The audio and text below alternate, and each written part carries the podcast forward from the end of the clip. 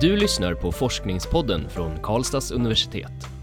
Här möter du forskare som tar dig med på en upptäcktsresa i vetenskapen. Den här podcasten görs av publiceringsstöd vid universitetsbiblioteket.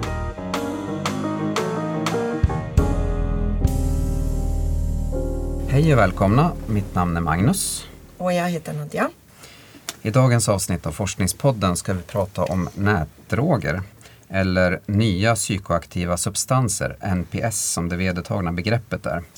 Och med oss i studion för att tala om detta har vi Kristoffer Susanne, eh, nybliven doktor i psykologi här på Karlstads universitet. Varmt välkommen Kristoff. Tack så mycket. Till att börja med, vad menas egentligen med nya psykoaktiva substanser? Eh, ja, det är inte alltid så lätt att eh, förklara eh, och definiera därför att på engelska säger begreppet novel står ju för att det är nytillkommet, det behöver inte vara nytt, helt nytt, men nytt på marknaden.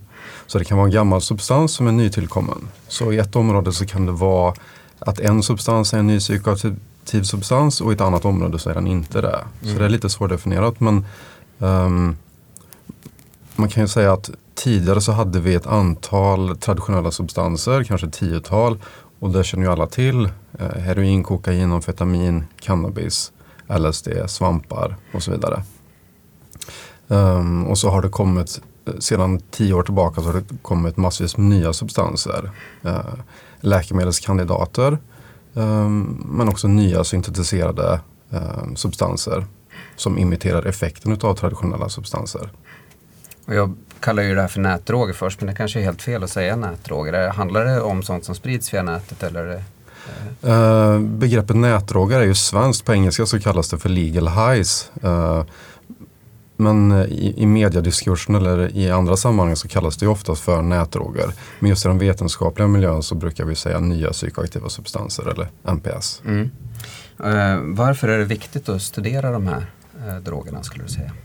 Eh, jag skulle säga att det är viktigt därför att det finns väldigt lite information. Eh, otroligt lite information om användarna, om deras drivkrafter, om deras attityder, varför de tar dem, vilka effekter de får och så vidare.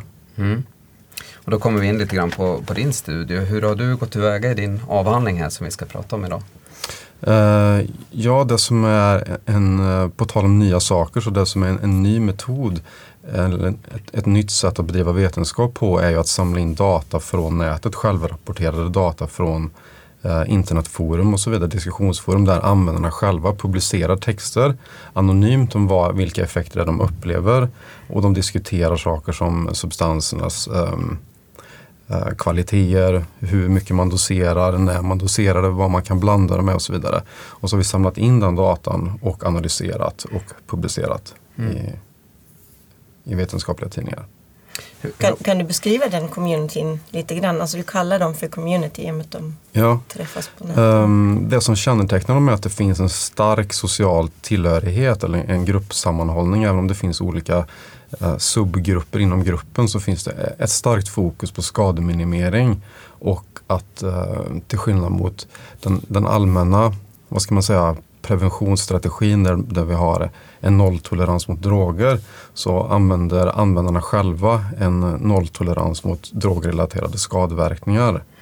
Eh, så de har på något sätt tagit saken i egna händer och har starka eh, band till varandra där de diskuterar de här sakerna och publicerar då effektrapporter mm. och, och, så vidare. Och så vidare. Vad är skadeverkningar? Är det mot deras alltså egna kroppar eller skador mot andra? Eller vad, hur definieras det? Um, Skadeverkningen? Det är ju alla skador egentligen. Mm. Um, och, och, de menar väl på att de vill använda droger men de, de allra flesta eller majoriteten av användarna på internetforum vill minimera riskerna och skadorna genom att lära sig hur mycket man doserar, i vilka miljöer man kan ta en viss drog, vilka effekter man kan förvänta sig av en viss drog, vilken drog man kan blanda med en annan och så vidare. Mm. Och utan den kunskapen så ökar riskerna helt enkelt. Mm. Håller, testar de droger själva då också om det nu inte finns så mycket forskning som visar effekterna av det här och så? Absolut och eh, ett av fynden är bland annat att de här användarna är engagerade i någonting som vi kallar för citizen science eller eh, eh, Medborgarforskning? Ja men precis. Ja. Alltså att de en drivkraft för att använda droger är just för att rapportera tillbaka till brukarkulturen eller diskussionsforumet och sina medlemmar eller sina kompisar då på nätet. Um, så de använder droger i, i, inte för sin egen skull utan för att de ska kunna rapportera tillbaka effekterna och hur säker eller osäker eller vad de tyckte om den substansen och så ger de rekommendationer för att undvika den här eller um, den här funkar bra i det här sammanhanget och så vidare. Mm. Det låter ganska farligt att vara försökskanin själv sådär. Ja, eh, det finns många risker involverade och det är väl också ett intressant fynd att det som i allmänhetens ögon eh, utgör risken, det vill säga effekterna, det är för användarna ett äventyr. Mm. Eh, och det som för vad ska man säga, allmänheten är hjälpen, det vill säga förbud, det är risken för användarna. Därför att då mm. riskerar man att bli kriminaliserad, stigmatiserad och alienerad. Eller utstött ur samhället. Mm. Så, och det, det är kanske det intressantaste fyndet att det är sånt att den, eh, vad ska man säga, um, den allmänna diskursen eller den statliga uh, försöken till hjälp är, är, risken och tvärtom för användarna. Mm. Okay. Kan du ge ett exempel på? Ja, men till exempel att uh, när det gäller um, Um, det, det, finns en grupp användare, man räknar med att det är ungefär 20 procent av de som, uh, av befolkningen i stort som kallas för sensationssökare. Mm. Uh, och de använder droger inte bara för de stimulerande effekterna utan för att de vill trotsa förbud. Mm. Så ju, ju, mer förbjudet man gör någonting desto roligare blir det att ta den drogen. Och då riskerar man, man riskerar att inte bara driva på utvecklingen av nya substanser med okända effekter och risker utan också att, att, att få, man har alltid liksom en man riskerar att få bumerangeffekter som det kallas. Mm. Genom att ju mer förbjudet man gör någonting desto större risken är att eh, de här sensationssökarna då tycker att det är roligt att använda droger. Mm. Men är det den största drivkraften överhuvudtaget att använda de här nya substanserna eller vad är drivkraften? Den, den största drivkraften är faktiskt inte svårare än att det är rekreation, nöje och njutning. Mm. Att folk vill ha som de säger a good time. Mm. Um, och, och, och, det gäller droger gener generellt. Men sen när man tittar lite djupare på substansgruppsnivå så, så ser man att det skiktar upp sig. Att, att hallucinogena eller psykedeliska preparat först och främst används i självutforskande syften. Att eh, sederande droger eller dämpande droger som eh, heroinliknande preparat används först och främst för coping eller för att hantera känslomässiga problem och så vidare. Mm. Och stimulerande preparat, alltså kokain och amfetaminliknande imitationer används först och främst för att eh, förbättra sina förmågor, mentala och fysiska förmågor. Till exempel som studiehjälp eller att lyfta tyngre på gymmet eller vad det mm. kan vara. Mm. Roligare på festen. Ja, till exempel.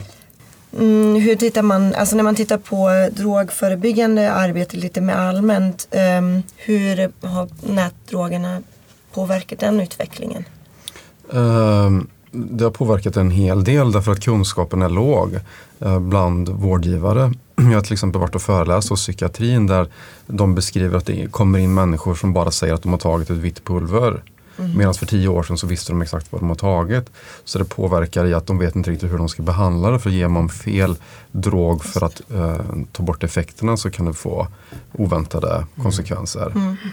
Um, så det på, påverkar i form av att kunskapsläget är lågt och det är ingen som riktigt vet vad man ska göra och det verkar som att försöken eller att, att, att kontrollera det genom förbud bara driver på utvecklingen av ännu fler substanser och som jag sa förut attraherar dem med en sensationssökande kvalitet. Mm. Mm.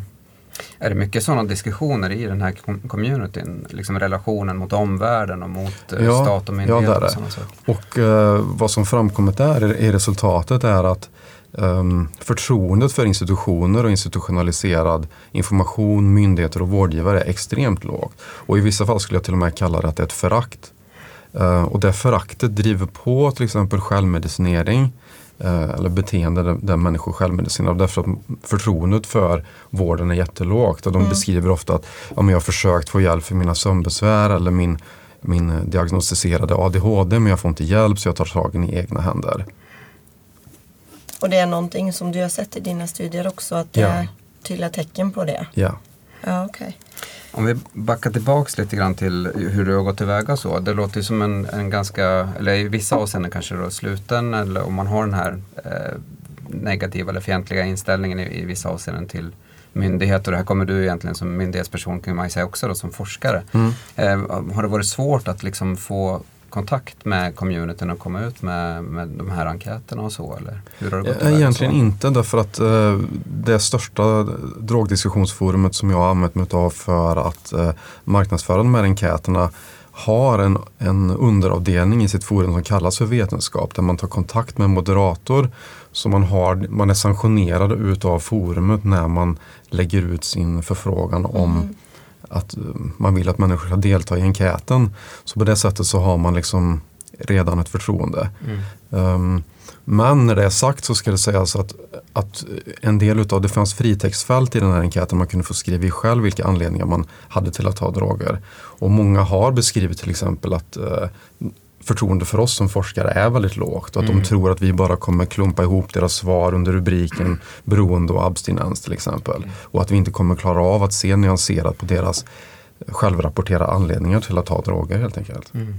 Intressant. Har du haft möjlighet att återkoppla dina resultat eh, efter, efter, nu efter disputation och så? Ja, faktiskt. Och, och det är en av de fina grejerna med att ha det här underavdelning, den här underavdelningen på det här forumet. För då finns det olika, då markerar de en färg när det är liksom i datainsamlingsfasen, när det är analysfasen och när det är i rapporteringsfasen och när det är publicerat. Så då, då postar man länken och, och just de här studierna är med open access, eller det, det fin- är tillgängligt för vem som helst. Vilket gör att eh, användarna som har deltagit kan sedan gå in och läsa resultatet helt enkelt. Har du fått någon feedback? Eh, väldigt lite. Det är några som har skrivit någonting. Nu kommer jag inte ihåg exakt vad de skrev. Mm. Men, men det är ju också för att tiden det tar från det att man lägger ut en förfrågan om att är det någon som vill vara med och Mm, delta i en absolut. enkät. Mm. Till, det tog ju nästan ett och ett halvt år. Så att, eh, det, är- nu är det nog många som hinner glömma bort eller inte besöker forumet. Eller sådär. Mm. Du skriver i din avhandling att synen på droganvändning behöver förändras från ett patologiskt synsätt till ett mer instrumentellt, eh, som jag förstår det. Kan du förklara lite grann vad du menar med det?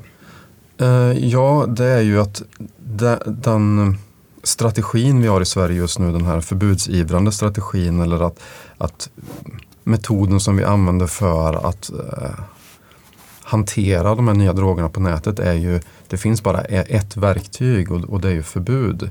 Och i det förbudet så ligger det att eh, det finns bara problematiskt bruk. Det finns inte icke-problematiskt bruk och alla som använder droger är missbrukare. Vilket gör att om man, om man beaktar resultaten som jag har sett så är det att man pat- patologiserar eller på något sätt demoniserar droganvändare. Mm. Ehm, och det enda det leder till enligt min forskning i alla fall är att man alienerar eller förskjuter droganvändare ut från samhället. Och det riskerar också att leda till att människor inte tar kontakt med vården när de har akuta problem, visar det sig till exempel. Att de hellre loggar in på drogdiskussionsforum och frågar sina kompisar på nätet än att ringa 112 ehm, när de har akuta Mm. problem och så vidare. Ehm, nu kommer jag inte exakt ihåg frågan men var det det jag svarade på? Ja, det var det patologiska till det mer instrumentella. Så jag Ja men precis, så jag, jag tror att ska vi återupprätta förtroendet bland de här droganvändarna som, ehm, som jag kallar för en dold population då, som gömmer sig på drogdiskussionsforum så behöver vi ehm, inkludera både att det finns fördelaktiga effekter och att människor är ute efter en funktion. Ungefär som att man dricker kaffe så kan man hålla sig vaken kanske lite grann längre på jobbet eller mer alert och så vidare. Och så använder människor droger också och det är inte bara problematiskt bruk. Utan jag tror vi behöver erkänna icke-problematiskt bruk. Mm. Och vad, vad skulle du säga är avhandlingens viktigaste bidrag? Är det att bidra till den här nyanseringen som du pratar om? Ja, ja det tror jag. Att, ehm, att, eh, att poängtera att, att vi har gått från en hi- historiskt sett en, ehm, en syn på droger där det kanske bara alla droger har samlats under begreppet knark och de som använder den drogen eller en drog, vilken som helst, är en knarkare. Och det är en väldigt begränsad syn som egentligen inte har den hjälper oss inte när det gäller, gäller prevention som jag ser det. Utan vi behöver nyansera synen på droger. Och när man frågar till exempel vad, vad, om, om droger är farligt så är det, det är inte en giltig fråga i mina ögon. Utan det är, man behöver ställa en fråga, vilken drog är är LSD farligt till exempel eller är cannabis farligt? Man behöver bli mer specifik, man behöver ta reda på mer specifika anledningar. Vi behöver inkludera de positiva effekterna och också um, ta kontakt med de här användarna och erkänna deras perspektiv eh, och så vidare. Mm. Vet om det finns på, på, på det här forumet, som det har varit till exempel, eh, om det finns medicinsk personal och så närvarande? Följer vårdpersonal vad som händer på, i den här världen? Uh, det tror jag inte. Överlag nej, men däremot så har jag stött på när jag varit ute och föreläst så vet jag att människor har, har besökt drogdiskussionsforum för att läsa mm. sådana tripprapporter som det kallas eller mm. erfarenhetsbeskrivningar. Mm.